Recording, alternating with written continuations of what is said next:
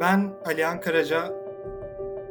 Simülasyon değişiminde bugün Galatasaray Üniversitesi simülasyonundayız. Yurt imkanı var mı? Ulaşım açısından zorluk yaşıyor musun? İnsan yönelimlerini rahatça açıklayabiliyorlar mı? Sosyal hayatında birlikte hukuk fakültesini ilerletmek... E, Akademisyenlere ders dışında ulaşabiliyor musunuz? Simülasyonun daha sonuna geldik arkadaşlar.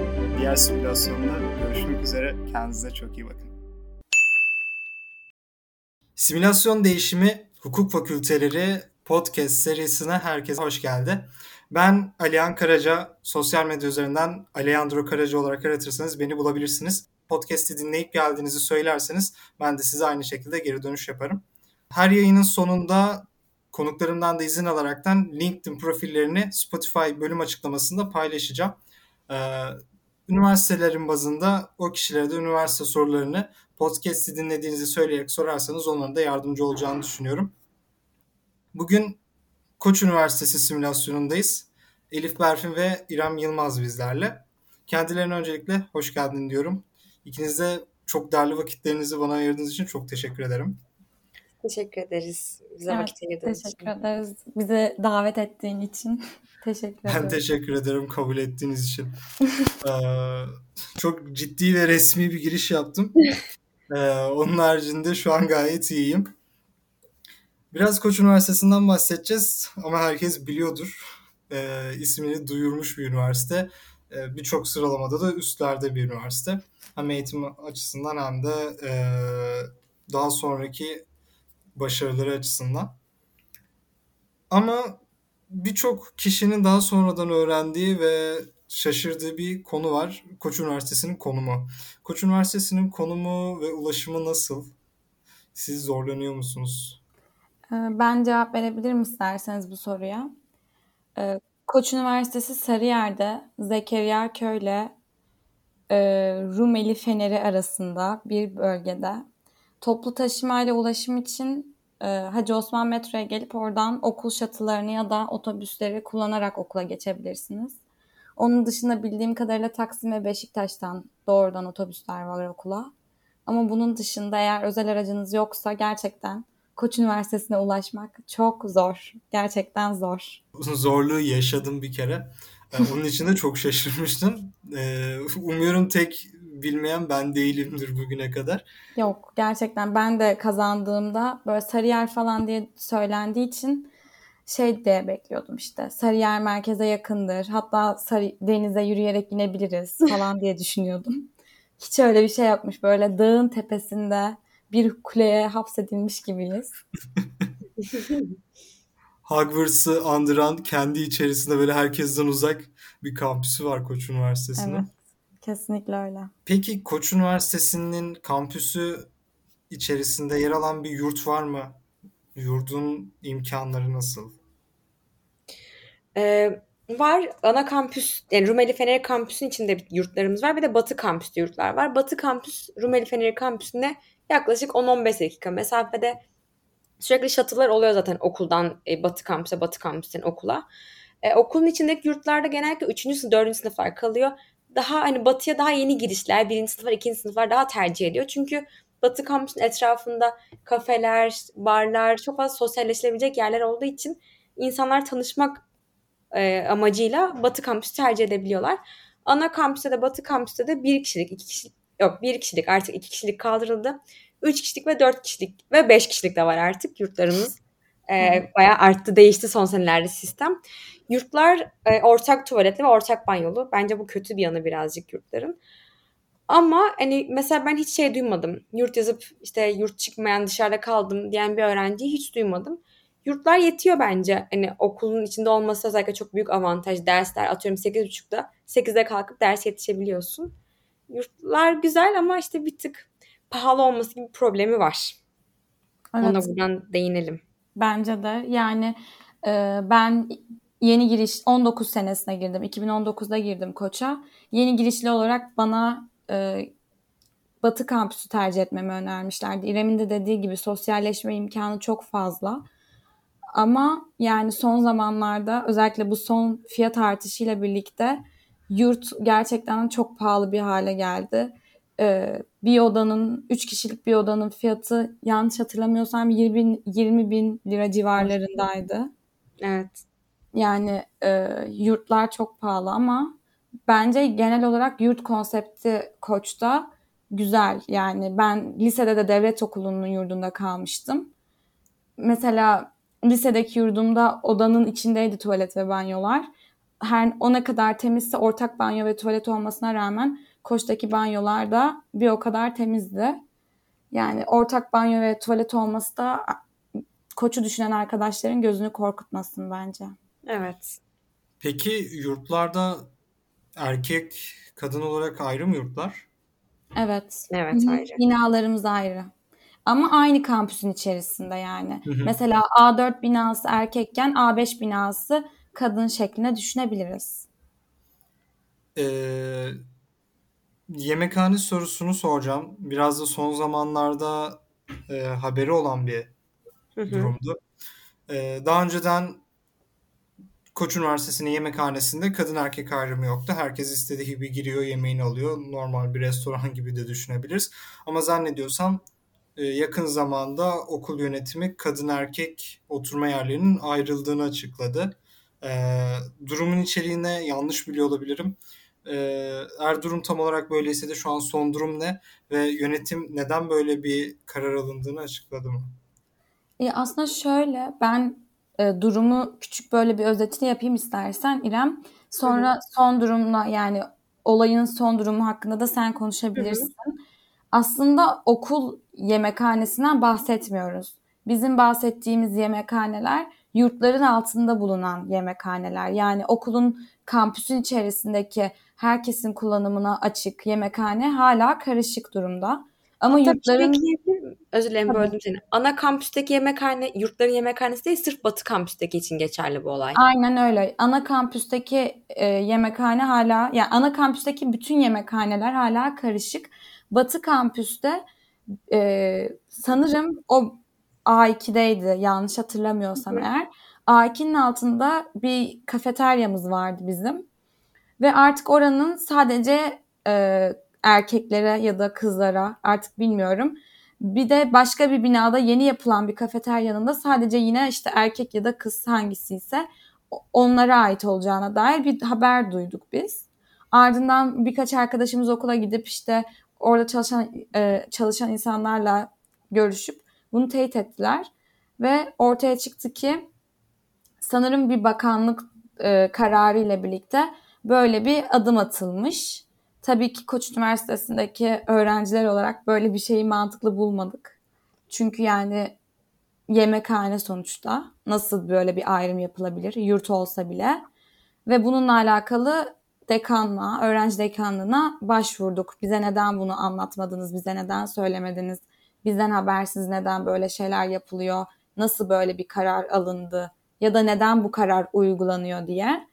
Bunun devamında İrem anlatabilir ne olduğunu. E, sonrasında ise okul şunu söyledi. Ana kampüsteki yurtlar biraz daha ayrı bir konumda oluyor. Çünkü üniversite kampüsünün içinde. Fakat Batı kampüste herhangi bir derslik olmadığı için sanırım yeni çıkan bir kurala göre, karara göre yurtlar Gençlik ve Spor Bakanlığı'na bağlanmış. Bu da Gençlik ve Spor Bakanlığı'nın yaptığı bir yaptırımmış. Öğrenciler de Berfin dediği gibi bundan sonra tepki gösterip öğrenci dekanlığına başvurdular. Öğrenci dekanı da bunun doğru olduğunu resmi bir e, şekilde değil fakat öğrencilere sözlü bir şekilde belirtti. Sonrasında ise bundan birkaç gün sonra okul kendi Twitter hesabının açıklama yaptı. Böyle bir şey yok. Bunlar uydurma haberdir diye. Böylelikle okul kendi öğrenci dekanını yalanlamış oldu. Herhangi bir şeffaflık söz konusu olmadı. Şu an öğrenciler kime güveneceğini, kime inanacağını bilmiyor. Fakat en son okul bize böyle bir şeyin söz konusu olmadığını, çıkan haberlerin yalan olduğunu Twitter'ında paylaştı. Ee, biraz daha ortada bilinmeyen Aynen bir öyle. Yani hala Yani netleşmemiş durumda. Çok havada kaldı her şey şu anda. Evet yani her şey 27 Eylül'de 27 Eylül'de okulumuz açılıyor. 26 Eylül gecesi o pazar gecesi her şey belli olacaktır muhtemelen. Ama yani şahsen ben ve arkadaşlarım İrem'le biz de yakın arkadaşız. Böyle bir şeyin gerçekleşmiş olma ihtimalini kabullenemiyoruz. Yani kabul edilmiş olma ihtimalini kabullenemiyoruz. Ha, kabul edilmiş olsa bile böyle bir şeyin uygulanabilir olduğunu inanmıyoruz. Biz uygulamayız yani. Sonuçta oturup çay içiyoruz, bir şeyler yiyoruz. Erkek ya da kadın ayrımının yapılmasını mantıklı bulmuyoruz bu noktada. Evet yani neresi olursa olsun okul yemekhanesi de olsun, yurt yemekhanesi de olsun e, böyle bir sistemin varlığı şu anda Türkiye'de birçok şeyi etkileyecek. Koç Üniversitesi'nde böyle bir karar alınması, Koç Üniversitesi'ne bunun e, dikte edilmesi e, biraz o durumu üzücü hale getiriyor açıkçası. Evet maalesef. Kesinlikle öyle. Okulun resmi hesabı dekanı yalanladı dediniz. E, ben burada üniversitelerin seçiminde açıkçası akademisyenle öğrenci iletişimine çok önem veriyorum. Bu tamamen kendi görüşüm. E, aynı zamanda okul yönetiminin açıklamaları da çok önemli. Koç Üniversitesi'nde e, akademisyenlerle öğrencilerin iletişimi nasıl? Yani bir sorunuz olduğunda, anlamadığınız bir yer olduğunda veya ders çıkışında sormak istediğiniz, yardım almak istediğiniz durumlar olduğunda akademisyenlere ulaşabiliyor musunuz? Cevaplayayım. Çok rahat ulaşıyoruz. Gerçekten hani özel üniversite olmasından mı kaynaklı bir avantaj bilmiyorum ama hocalar her mailimize mutlaka geri dönüş yapıyorlar. Mesela şöyle bir şey oldu. Ben 6 Şubat 2020'de İsviçre'ye gitmiştim. Ve orada o dönem fırtına çıktığı için uçak biletim iptal oldu. 2-3 gün derslere gelemedim bu yüzden. Bunları hocalara izah ettiğimde dediler ki e, office hour diye bir sistem var. Ofis saati. Geliyorsun ofis hour'ına hocanın ofisine. Eğer hoca müsaitse sana o dersi anlatıyor. Ve hocalar bana dedi ki tamam İremciğim problem değil. Sen gel biz sana anlatırız. Ve koskoca dekandan bunu duymak mesela çok benim hoşuma gitmişti. Hocalarla iletişim gerçekten çok kolay. Ders çıkışı mutlaka sorularınızı yanıtlıyorlar. Yanıtlayamasalar bile hani mail üzerinden bunu mutlaka cevaplıyorlar. O konuda hiç problem yaşamadım ben bugüne dek. Aynı şekilde ben de hiç yaşamadım. Eğer hocaya ulaşamıyorsanız bile asistanına mutlaka ulaşıyorsunuz. Çoğu asistan yani birkaç dakika içerisinde bazen ya da birkaç saat içerisinde geri dönüş yapıyor. Ben hani ulaşmaya çalışıp da ulaşamadığım kimse olmadı bu zamana kadar koçta. Evet. Peki ders kayıtları anında sistemde dersi veren kişi profesör olarak gözükürken dersi e, genelde asistanın işlediği oluyor mu? Yok. Yani Yok. kim gözüküyorsa o mu işliyor derse? Evet Yani. mutlaka. Evet mutlaka ki bizde şöyle bir sistem var aslında. Ee, dersleri hocalarımız kimse, Bertil o derse Bertil Hoca, Murat Önoksa Murat Hoca artık kimse o anlatıyor. Ee, pratik çalışmaları genelde asistan hocalarımızla birlikte yapıyoruz. Ama doğrudan hocalarımızın katıldığı pratik çalışmalarda oluyor. Bu şekilde. Tamamdır. Ya birçok üniversitede zaten pratik derslerini asistanlar işliyor. Ee, edindiğim bilgiler de bu yönde. Biraz da normal karşılanabilir bence. Hı hı, bence de. Koç Üniversitesi pandemi döneminde olsun, daha öncesinde olsun e, öğrenciye gerekli bilgilendirmeyi, açıklamayı zamanında ve net bir şekilde, anlaşılabilir bir şekilde yapıyor mu? E, ve akademisyenlerin öğrenci iletişiminde bu bilgilendirmeler ne gibi rol oynuyor?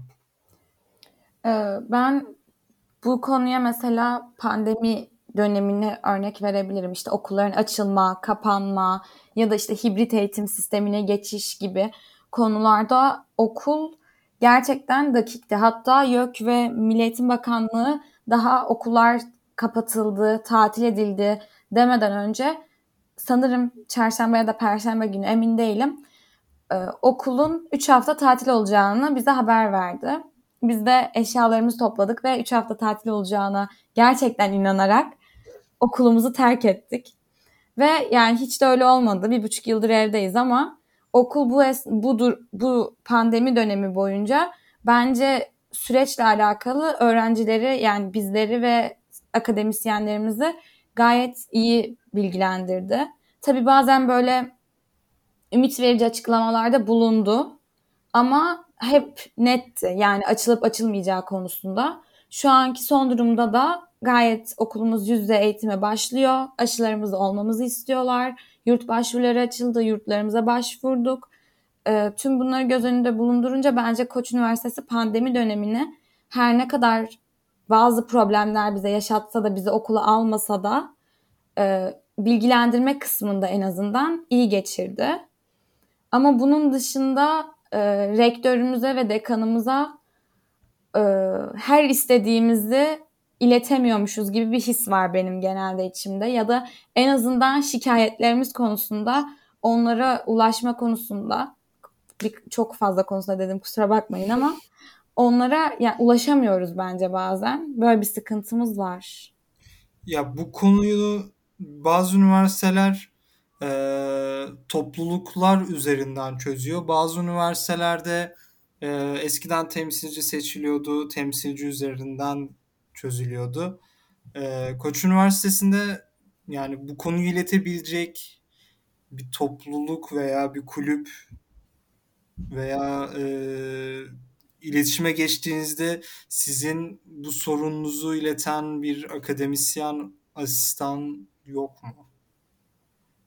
Ee, şöyle e, yoktu açıkçası. Özellikle Berfin dediği konu şu. Yani rektör ve dekana çok kolay ulaşabiliyoruz öğrenci dekanına. Fakat ne zaman bir şikayet topluca öğrencilerin e, şikayetçi olduğu bir konu olsa ulaşım çok zor. Yani ulaşamıyoruz. Çok zor. Yanıt alamıyoruz daha doğrusu. Bir de okulda öğrenciler arasında çok fazla bir birlik yoktu açıkçası şu anda dek. Herkes hani tepkisini göstermek için mail adreslerimizi topluyorduk. Hep beraber toplu mail atıyorduk. Fakat kimse bunu çok ciddiye almıyordu. Şimdi yeni e, emin değilim yeni mi kuruldu yoksa olan bir kulüp e, yeniden aktif mi oldu pek emin değilim ama öğrenci birliği veya öğrenci öğrenci birliği kulübünün adı tam emin olmamakla birlikte kuruldu. Başkanlık seçimleri yapıldı. Şimdi onlar gerçekten çok güzel savunuyorlar, çok güzel çalışmalar yapıyorlar çok taze bir kulüp olmasına rağmen. Öğrenci konseyi pardon. Çok taze olmasına rağmen gerçekten çok güzel çalışıyorlar şu anda. Fakat bugüne kadar okulun ak- akademisyen kadrosuna ulaşım çok kolay olsa da idari kadrosuna ulaşmak çok zordu bizim için. Ben de bu konuda Berfin'e katılıyorum kesinlikle. Ya bir de şöyle bir durum var bence. Öğrenci konseyine e, öğrenci konseyi sanırım eskiden de varmış ama çok aktif değilmiş ve insanlar problemlerini Facebook'ta e, Facebook grubumuz var kümülatif diye. O kümülatifteki postların altına e, mail adresi bırakarak çözebileceklerine inanmışlar çok uzun süre. Bu yüzden de artık toplu mail atmak bir çözüm yolu olmamış. Yani olmaktan çıkmış ya da. E, bence koç dayanışma ve bu noktada öğrenci konseyi gelecek dönemde ve gelecek yıllarda problemlerimizi çözme konusunda çok verimli işler yapacaklar. Ben gönülden inanıyorum ve inanmak istiyorum buna. Çünkü gerçekten Koç Üniversitesi'nin en büyük eksiği bence öğrenciler arasında bir dayanışmanın bulunmamasıydı bu zamana kadar. Ama bunu da bu pandemi dönemiyle birlikte bu e, kafa yapısında bence öğrencilerin içinde oturttuk. Artık herkes okulu için, aç, okulun açılması için ya da bazı bir takım problemler için birlik olmayı öğrendi bence. Hatta mail olayına şunu da ekleyeceğim. 2020-2021 mezuniyetlerini herkes birçok okul yüz yüze yaptı. Bilkent yüz yüze yaptı. Eskişehir'de birkaç tane üniversite yüz yüze yaptı. Biz de okulda yüz yüze yapar diye düşündük. Çünkü hem toplum aşılanıyor şu anda hem de okul Eylül'de açılacağını söylüyor. Yüz yüze eğitime başlayacağını söylüyor. Fakat okul 2021, 2020 ve 2021 mezunlarını online mezun etme kararı aldı. Birçok kişi buna tepki gösterdi ama tepkilerimiz yine maili aşamadığı için okul yine öğrencilerin çok ciddiye almadı ve online mezuniyet yaptı. Online mezuniyette gerçekten çok merak ettiğim için girip bir izledim. Slide'dan öğrencilerin ismini okudukları, işte rektörün göstermelik konuşma yaptığı bir mezuniyet oldu. Yani okulun bence 5 senelik, 4 senelik öğrencilerine bunu yapması, böyle onları mezun etmesi çok ayıptı bence.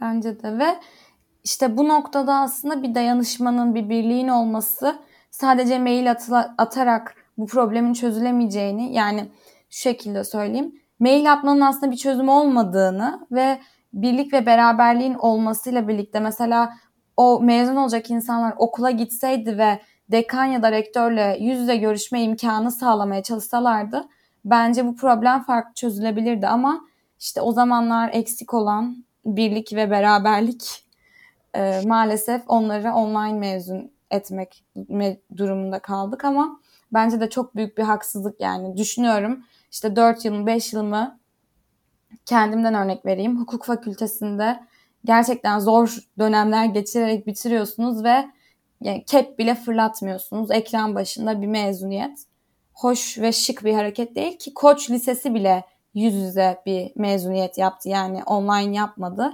Koç Üniversitesi'nin online yapmış olması ilginç ve büyük bir haksızlık bence de. Kesinlikle. Ben genel anlamda üniversitelerde ve toplum içerisinde yer alan bazı sorunların Koç Üniversitesi'ne nasıl yansıdığını merak ediyorum. Dezavantajlı arkadaşlarımız olabilir. E, cinsel yönelim açısından farklı yönelimleri olanlar olabilir. E, bu noktada bu arkadaşlarımız düşüncelerini özgürce açıklayabiliyorlar mı? E, okul yönetimi olsun, e, öğrenci profili olsun farklı bir bakış açısı oluyor mu veya ve bir sorunla karşılaşıyorlar mı? Ben hiç denk gelmedim şahsen. Belki olmuş olabilir ama ben hiç görmedim. Gördüğüm kadar okulda bir kulüp var. Queer kulübümüzün adı. Ve burada herkes düşüncelerini çok güzel bir şekilde, çok cesur bir şekilde savunabiliyorlar ve bence bu çok hoş bir çok hoş bir durum. Ben bu ya bugüne kadar herhangi bir derste, herhangi bir atıyorum sosyal ortamda, yemekhanede, kulüplerin toplantısında herhangi bir ayrımcılık görmedim. E tabii artık hani 2021 yılındayız. İnsanların herkesin kendi tercihini hani herkesin kendi tercihi kendine. Bunu artık bence biraz daha kabullenebildiklerini düşünüyorum. En azından Koç Üniversitesi'ndekilerin. Bu yüzden herhangi bir sorun yaşandığını ben hiç görmedim. Berfin sen gördün mü hiç bilmiyorum ama. Aslında çok yeni bir olay var ama ben de doğruluğundan ne kadar emin doğruluğundan hiç emin olmadığım için bahsetmem ne kadar doğru olur bilmiyorum. Ama benim de Twitter'dan ve Facebook'tan gördüğüm kadarıyla e, yurt dışından bizim okulumuza gelip eğitim almak isteyen trans bir bireyin e, yurtla alakalı birkaç problem yaşadığına dair bir haber, bir tweet okudum bugün. E, ben de bu zamana kadar İrem'in söylediği gibi e, okulda hiç böyle ayrımcı tutumlar sergileyen hoca ya da arkadaşımla karşılaşmadım. Ya da benim çevremde en azından hiç olmadı. Ama e, o queer grubunun da kendi içerisinde farklı istekleri var. İşte cinsiyetsiz tuvalet mesela. E, bu gibi isteklerini de okulun tam olarak karşıladığında söyleyemeyiz aslında. Çünkü hala e, tuvaletlerimiz kadın ve erkek olarak ikiye ayrılmış durumda.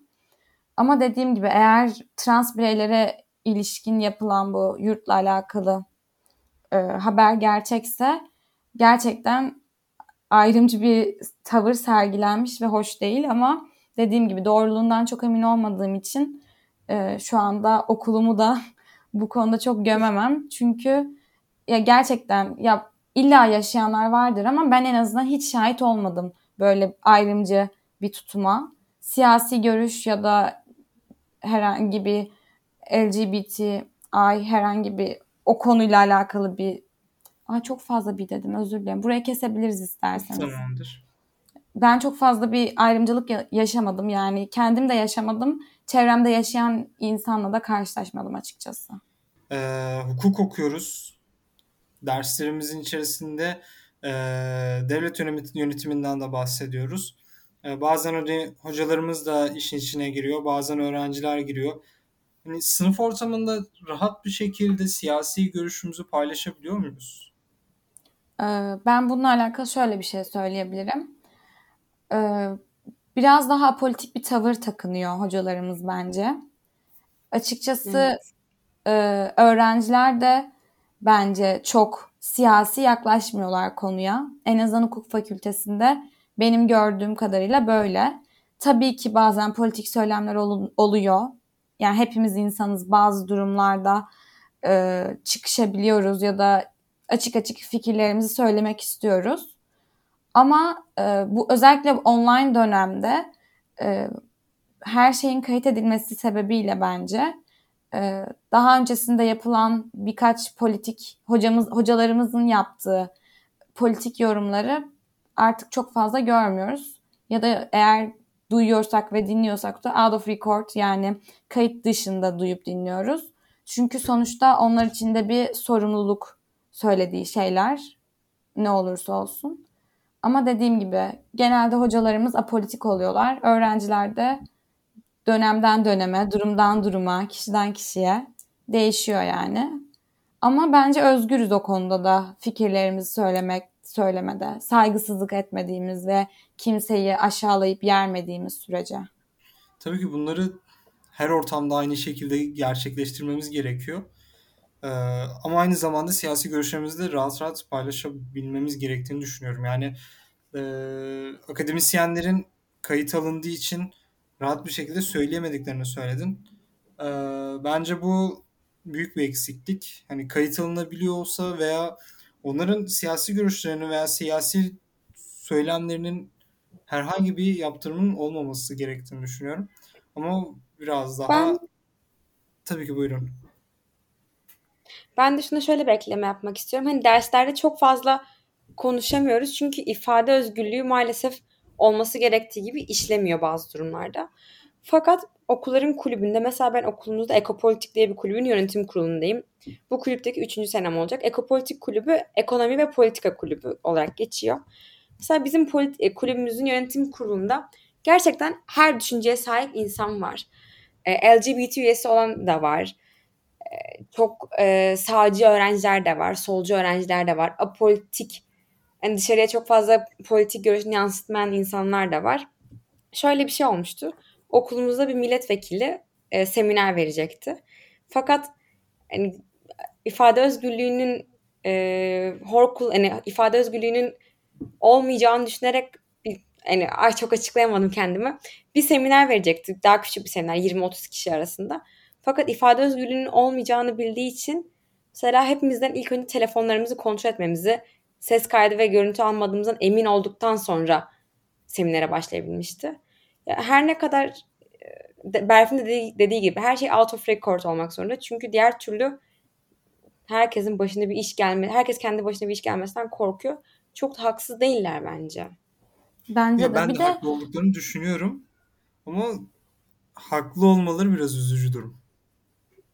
Ya evet. tabii ki ama bu da hocaların e, tutumuyla alakalı değil. Hocalarımıza Yok. olan tutumla alakalı. Evet, evet, evet, evet. O yüzden de yani e, gayet lafını esirgemeden konuşan hocalarımız da var. Şimdi onların hakkını yemek de istemem.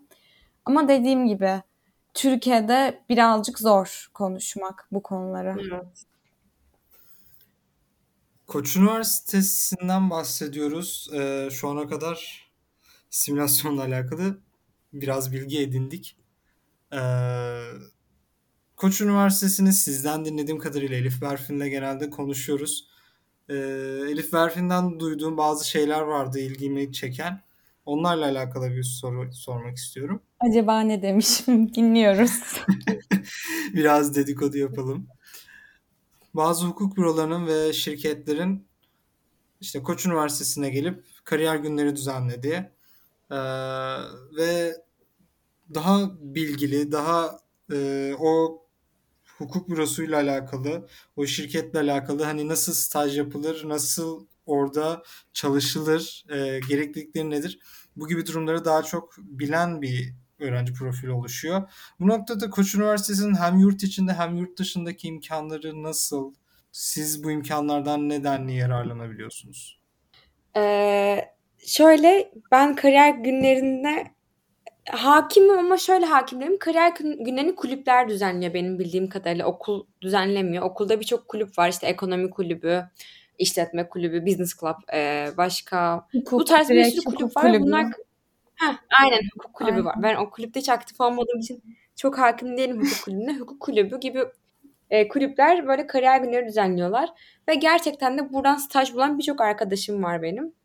Fakat ben buraya çok hakim olmadığım için bu konuyu Berfin'e paslamayı tercih ediyorum. Okay, ben hemen cevap vereyim. Ben hukuk kulübünde çok aktif olmasam da ya en azından kariyer günlerinde çok aktif olmasam da hukuk kulübünde aktiftim bu sene. Kariyer günleri şu şekilde oluyor. Biz bürolara gidip işte kariyer günlerimize gelmek ister misiniz şeklinde bir davette bulunuyoruz sanırım. Ben o e, ekipte değildim açıkçası. O yüzden bu kısmını bilmiyorum ama böyle yaklaşık birkaç hafta süren koşuşturmacalı bir süreç başlıyor. Bu süreçte şöyle en azından 2019 yir, hayır 2021'de e, online olarak gerçekleşti ve bu dönemde işte aklınıza gelebilecek birçok büro ama bu aklınıza gelebilecek birçok bürodan kastım e, Türkiye'nin önde gelen büroları diyebiliriz. Şimdi isim vermeyeyim. Legal 500 ama gerçekten alanlar. Aynen. Legal 500 ta olanlar, orada gerçekten hani çoğumuzun ismini duyduğu bürolar diyeyim. Daha mantıklı olur sanırım. Onlar gelip orada nasıl bir nasıl işler yaptıklarını, çalışma ortamlarını, e, ne beklediklerini şeklinde bize böyle birer saatlik seminerimsi tanışma toplantıları düzenliyoruz. Düzenli, düzenlediler. E, bu tanışma toplantısı dediğim de bu arada bayağı kalabalık olduğu için tanışma toplantısı şeklinde değil ama sonuçta Zoom üzerinden katıldığımız için hepimizin ismi gözüküyor. Biz de onların isimlerini görüyoruz. Sonrasında ben mesela e, katılan, hoşuma giden, e, anlattıklarını beğendiğim, aslında ben burada çalışabilirim, işte ben bu alanda, bu sektörde kendimi geliştirebilirim dediğim bürolara, büroların avukatlarına mesela LinkedIn üzerinden işte bağlantı isteği göndermiştim mesela. Bu şekilde bir network kurmamızı sağlıyor hukuk kulübü. Ki bence ben o ekipte değildim ama e, bu kariyer günlerini düzenleyen ekipte birebir siz oradaki e, insan kaynaklarıyla, işte avukatlarla, bazen yeri geliyor partnerlarla bile birebir iletişim içerisinde oluyorsunuz bu kariyer günlerini ayarlamak için, işte bu e, seminerleri düzenlemek için. Ve bu esnada gerçekten ciddi bir network geliştiriyorsunuz ve sizin mail adresiniz onlarda kayıtlı olmuş oluyor. Böyle bir sohbet geçmişiniz oluyor. Tabii bunların hepsini göze alınca da kariyer günleri tabii ki sizin en azından isminize aşina olmalarını sağlıyor. Ama bu demek değil ki siz kariyer günlerinde vardınız ya da kariyer günlerini düzenlediniz diye sizi X bürosu, X firması işe alsın. Tabii ki değil. Ee, hele ki böyle gerçekten İstanbul'da bir iyi okullar varken e, sadece kariyer günlerine ya da katıldık diye ya da sadece Koç Üniversitesi'nde okuyoruz diye bir büronun ya da bir firmanın e, avukatlık ortaklığının bizi işe alması yani akıl kâr değil, mantıklı da değil, gerçekte değil. E, ama şunu söyleyebilirim ki e, vizyon katıyor bu kariyer günlerine katılmak öğrencilere. Hukuk kulübüne de yani e, bu etkinlikleri için en azından ben çok teşekkür ediyorum. Çünkü benim aklıma gelmeyen, e, hiç haberim bile olmadığı sektörlerden beni haberdar ettiler yani. Ve şu anda da mesela ben yaz stajı yapıyorum ve e, bu arada bu yaz stajı yaptığım yer bizim okula kariyer günlerine gelmemişti. Bunu da böyle küçük bir bilgi olarak gireyim. Ama de, orada bize anlatılanlarla karşılaştığım ortam neredeyse aynı yani. Ee, çoğu büro birbirine benziyor zaten İstanbul odaklı olarak konuşursak. Bu noktada yani böyle verimli bir etkinlik Alihan. Beklentilerini karşıladın mı bilmiyorum ama. Evet evet gayet almak istediğimi aldım şu anda. Süper. Ee, Yurt dışı ile alakalı Hı-hı. istersen İrem sen konuşabilirsin. Çünkü benim yurt dışına dair yani yurt dışına çalışmaya dair e, summer intern Erasmus tarzı bir şey var sanırım ama hiç bilmiyorum yani bu konu hakkında bir fikrim yok. Ben de yurt dışında çalışmayla alakalı hani mezun olduktan sonra çok bilgi sahibi değilim ama öğrenciyken yurt dışına nasıl gidebileceğinden bahsedeyim. Okulun Erasmus ve Exchange programları var ve gerçekten bu okuldaki bu e, programlarla beraber dünyanın her ülkesine gidebilirsiniz. Okulun birçok ülkeyle, birçok şey hatta üniversiteyle anlaşması var. Erasmus programı Avrupa, e, Exchange programı da Avrupa dışındaki ülkeleri kapsıyor. Böylelikle gidip bir veya iki dönem oradan eğitim alabiliyorsunuz. Hatta ben eğer şu an herhangi bir problem olmazsa e, bahar 2022'de Lizbon'a gideceğim bir yıl bir dönem eğitim almaya. Fakat hukuk, hukuk okuyup e, Erasmus'a gitmenin kötü bir yanı var. Ders saydıramamak. Çünkü biz buradaki derslerimizin çoğunu Türk hukuk sistemine göre alıyoruz. Fakat Portekiz'de veya dünyanın herhangi bir yerinde bizim sistemimiz uygulanmıyor.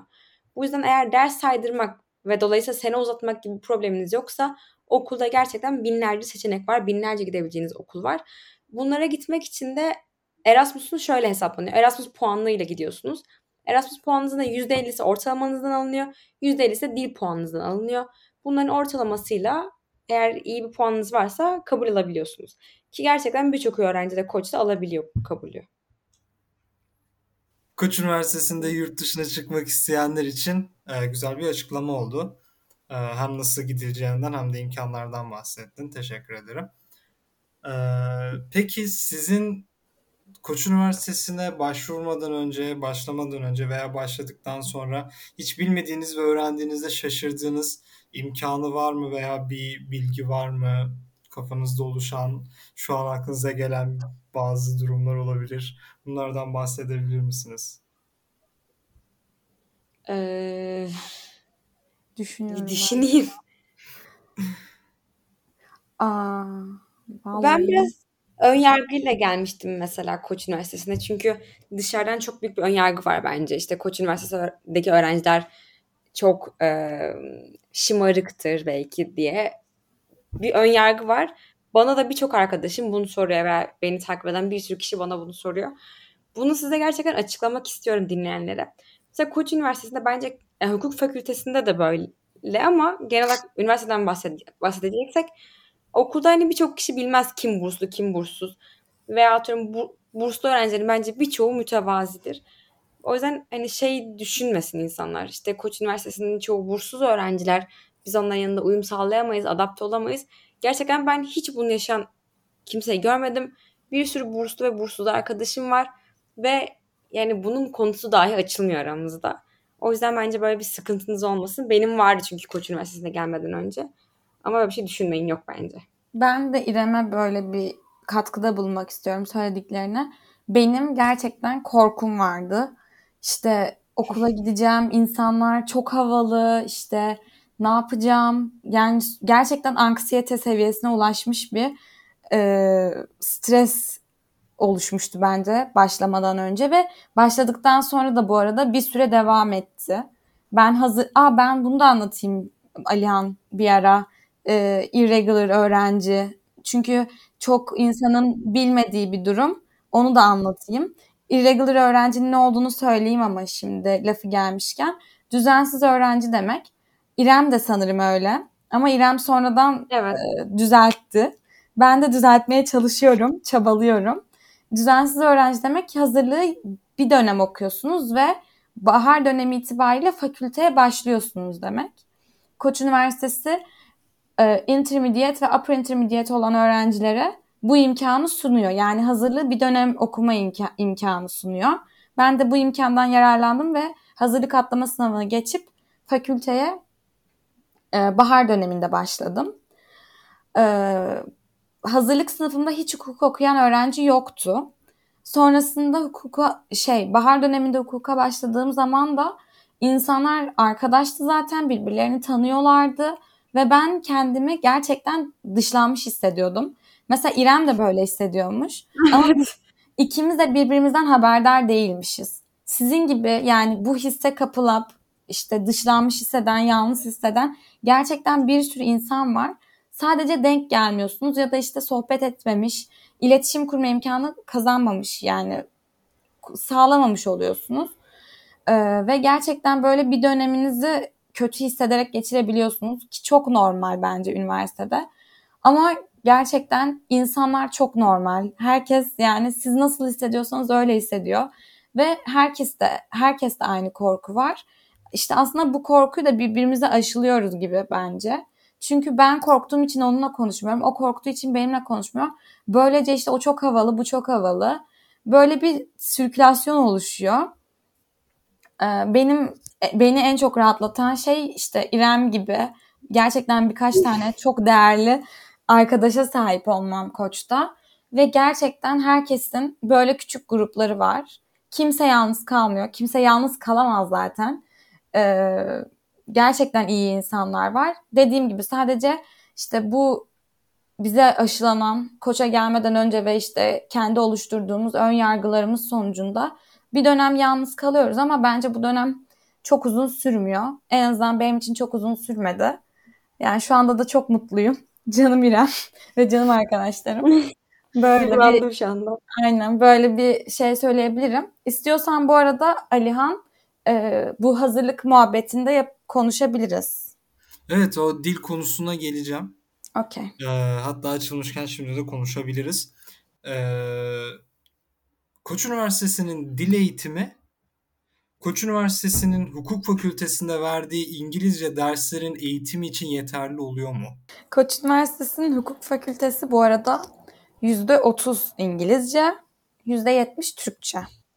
O yüzden böyle İngilizce gördüğümüz dersler core ders dediğimiz bütün fakültelerdeki öğrencilerin alması gereken dersler artı birkaç tane İngilizce hukuk dersi. Yani aslında böyle e, borçları falan e, İngilizce görmüyoruz yani. Anayasa İngilizce görüyoruz. Anayasa biri, anayasa iki Türkçe, uluslararası hukuk derslerini İngilizce görüyoruz ki mantıklı da aslına bakarsanız.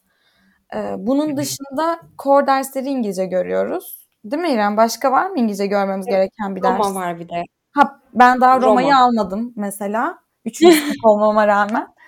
Ee, bir de Roma var aynen. Ee, bu şekilde bence yetiyor İngilizce eğitimimizde bize verilen hukuk. Şey pardon hazırlıkta verilen İngilizce eğitimi. Ben bir de İngilizcenin bölümde de çok geliştiğini düşünüyorum. Çünkü hazırlıkta evet temel bir eğitim alıyoruz fakat herhangi bir hukuki terim öğrenmiyoruz. Tabii. Bunları ben bölümde birazcık geliştirdim. Mesela essay yazmayı ya da interoffice memorandum yazmayı ben bölümde öğrendim. Ama yani hiç şey olmadım. İşte keşke yarı dönemde iki dönem hazırlık okusaydım. Hiç yeterli gelmedi. Hiç demedim. Ben bir dönemde bile gerçekten çok fazla bir dönem hazırlık okuyarak çok fazla şey öğrendiğimi düşünüyorum. Ve yeterli de buluyorum. Ben de bir dönem hazırlık okudum aynı İrem gibi. Ve ben İrem'den farklı olarak okul bize kendisi ders atama kararı verdiği için çok kötüydü ya. E, hukuk derslerini almak zorunda kaldım bahar döneminde. Yani şöyle anlatayım. Medeni hukuk almadan aile hukuku almak zorunda kaldım. Anayasa 1 almadan anayasa 2 almak durumunda kaldım. Böyle olunca da şu an ikinci sınıf ikinci dönemim aslına bakarsanız yani önümüzdeki sene iki, önümüzdeki güz döneminde ikinci sınıf ikinci dönem olacağım. Ama üçüncü sınıf birinci dönem derslerini alıyor olacağım ve işte böyle alttan eksik derslerim var. Roma ve idare gibi. Böyle bir durum olunca da ben biraz hazırlıktan çıktığım için maalesef pişman oldum. Keşke düzenli öğrenci olsaydım dedim. Çünkü e, o bahar döneminde geçiş sürecinde çok zorlandım. Yani hoca mesela nispi butlan diyor. Butlan ne olduğunu bile bilmiyorum. İşte e, tam ehliyet tam ehliyetsiz diyor. İşte ehliyet diyor. Bunlar ne bilmiyorum. Çok zorlanmıştım aile hukuku dersine gerçekten. Anayasada o kadar zorlanmadım da ailede çok zorlandım. Ama işte e, bize verilen İngilizce eğitimi dediğim gibi bunlarla hiç alakası yok. Bize verilen aslında bence akademik yazışma dersleri bizim hukuk İngilizcemizde evet. geliştiren e, dersler. O da ACVR kodlu bir ders. Academic Writing. 101 ve 107 idi sanırım kodları.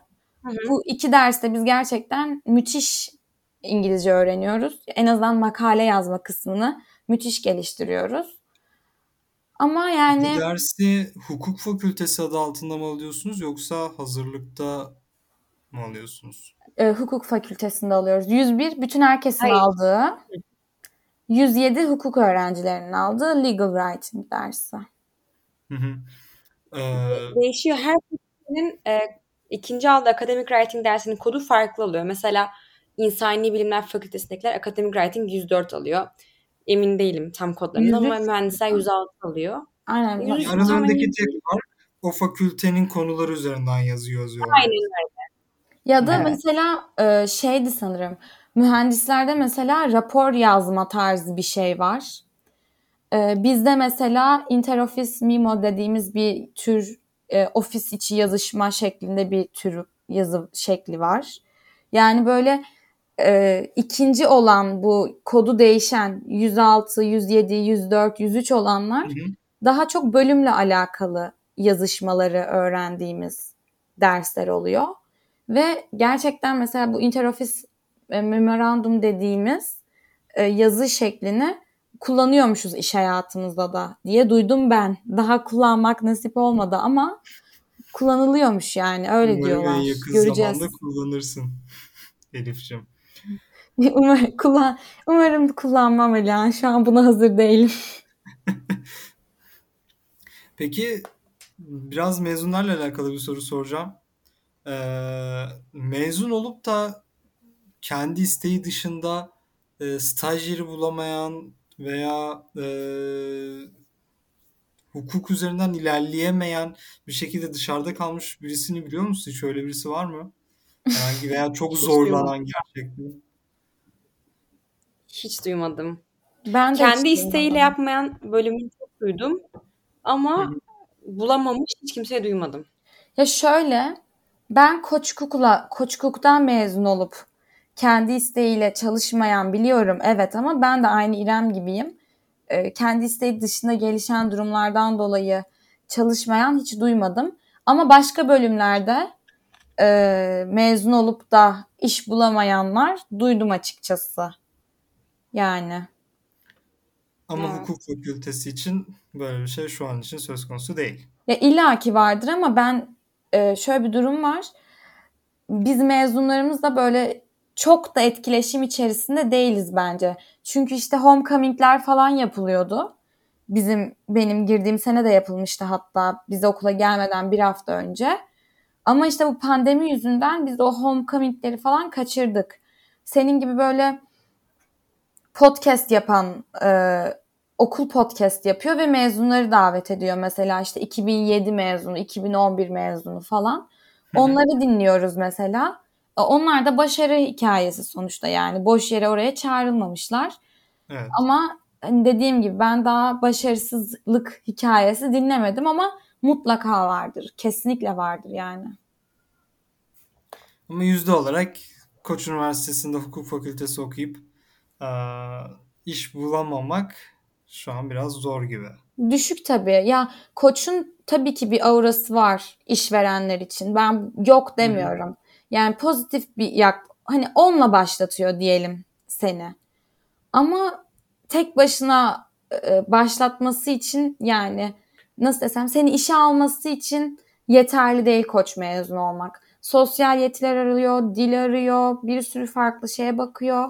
Yani evet Koç mezunusun da hani başka diye soruyor. Yeterli değil bence sadece koç mezunu olmak ya da koçta okuyor olmak, iş Kesinlikle. bulmak kısmında.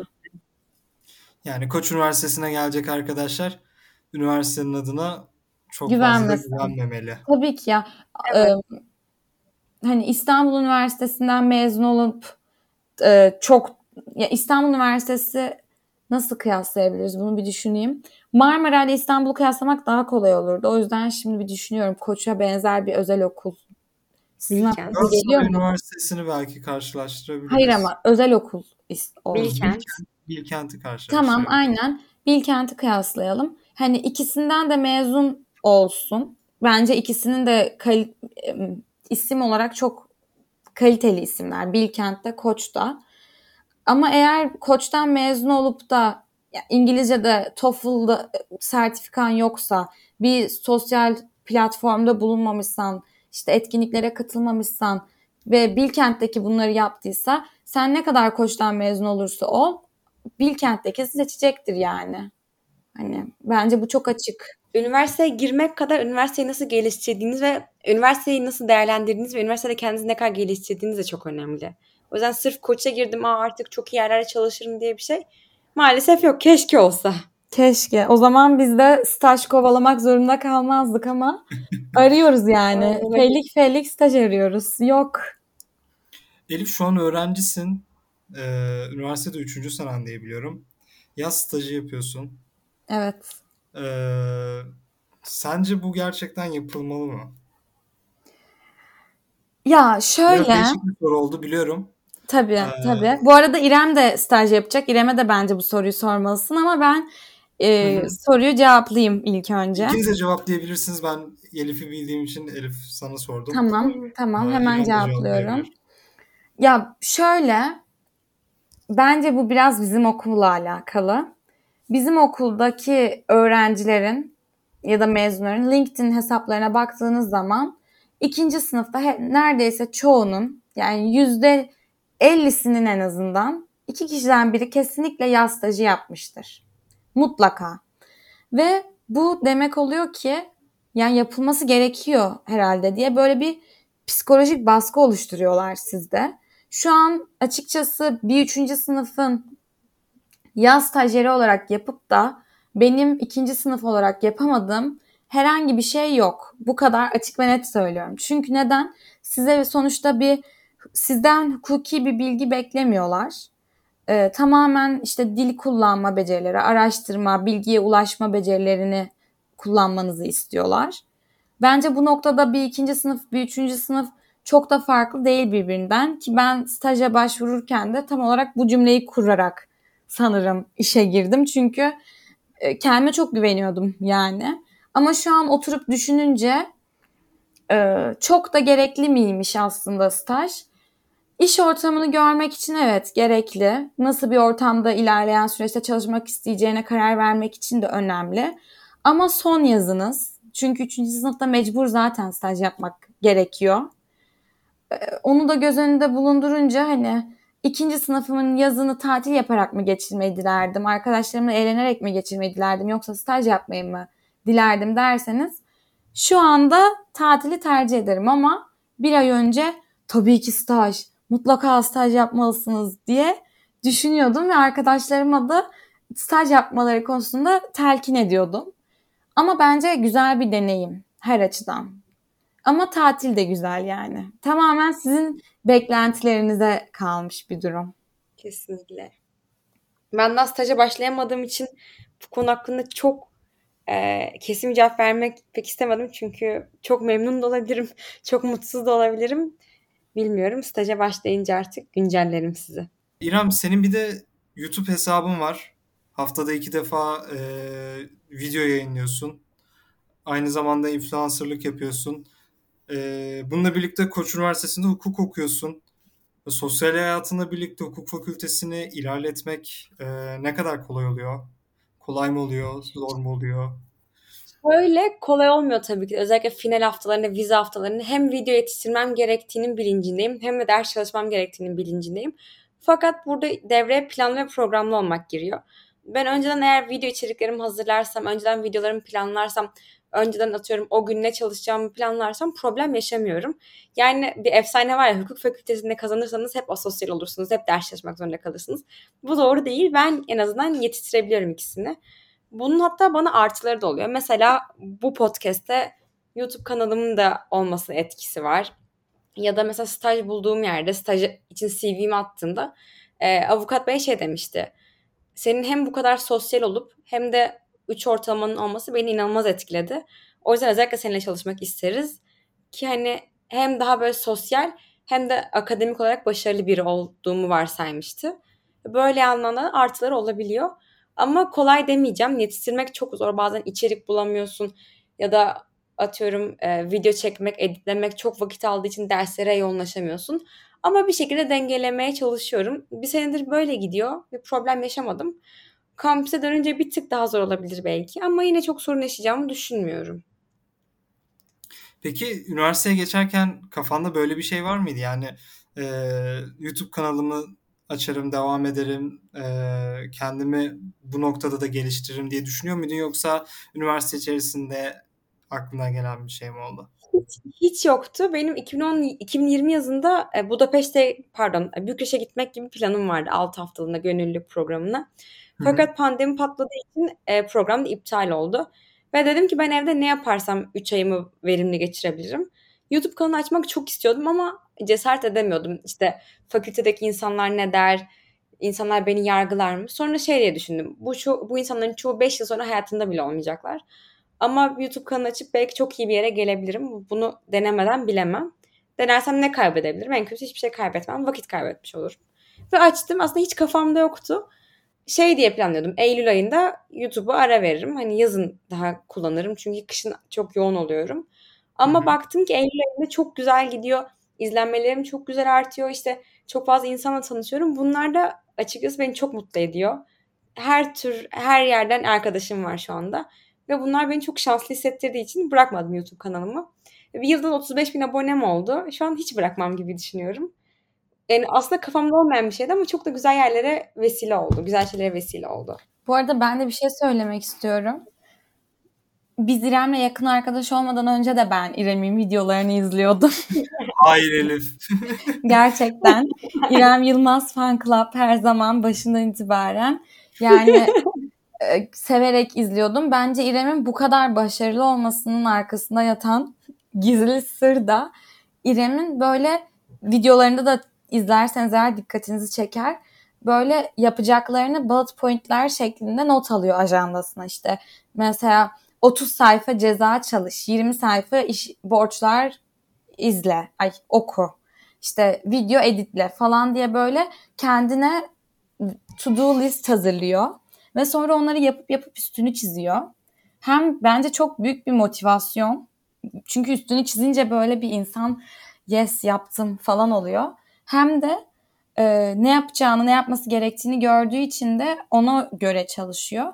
Ben de mesela kendi ajandamı doldururken İrem'den feyz alarak aynı yöntemi kullanmaya başlamıştım. İşte böyle mesela şu bugün buraya kadar gel. Gelince böyle üstünü çiziyordum ya da yanına işte tik atıyordum falan. Böyle de influence eder arkadaşım. Değil mi? İnanılmaz motive eden bir durum olmuyor mu gerçekten tik atma olayı? Kesinlikle. Ben böyle üstünü karalıyorum falan. Bayağı seviyorum yani o ajanda doldurma kısmı. Ki bence bir hukuk öğrencisinin ajandası mutlaka olmalı. Çünkü bir şeyi yani her şey aklına tutsan da bir şey mutlaka kaçıyor. Yani sayfa numarasını unutuyorsun ya da yapman gereken, teslim etmen gereken bir ödevi falan unutuyorsun. En azından koçta böyle kor dersler ve hukuk derslerini aynı anda alıyorken bu dönemlerde e, ajanda böyle zaruri gibi. Bu arada üstünü çizme olayı gerçekten efsane motive ediyor. Onu ben de yapıyorum. Böyle her gün sabah kalkıyorum. Bugün neler yapacağım tek tek yazıyorum. Ve en hızlı neleri bitirebileceksem direkt onları yapıp üstünü çiziyorum. Çünkü çok büyük bir mutluluk veriyor. Ve yaptığım listenin azaldığını görmek de aşırı motive ediyor. Kesinlikle. Yeni Kesinlikle. üniversiteye girecekleri hayata e, alışmalar açısından güzel bir tavsiye. Evet evet. Bir saate yakın bir yayın oldu. Daha fazla da uzatıp e, sıkmak istemiyorum dinleyenleri. Umarım Koç Üniversitesi ile alakalı gerekli bilgileri almıştır arkadaşlar. Soruları olursa LinkedIn hesabınızı Spotify açıklamasına ekleyebilir miyim? Size sorabilirler mi? Tabii ki. Her Tabii. zaman. Tamamdır. O zaman Elif'e ve İrem'e Koç Üniversitesi ile alakalı sorularınız olursa e, podcast'ten geldiğinizi podcast'i dinleyip e, soru soracağınızı söylerseniz size bir adım önde yardımcı olacaklardır. Bu konuda liyakatli davranmalarını istemiyorum açıkçası. liyakatli davranmazlar ve sizi öne alırlar. Koç Üniversitesi simülasyonunun sonuna gelmiş bulunmaktayız. Elif'e ve İrem'e çok teşekkür ediyorum. Buna zaman ayırdıkları için ve bilgilendirdikleri için. Biz teşekkür, teşekkür ederiz. Bir sonraki simülasyonda tekrar beraberiz. Simülasyon değişimi tamamlandı.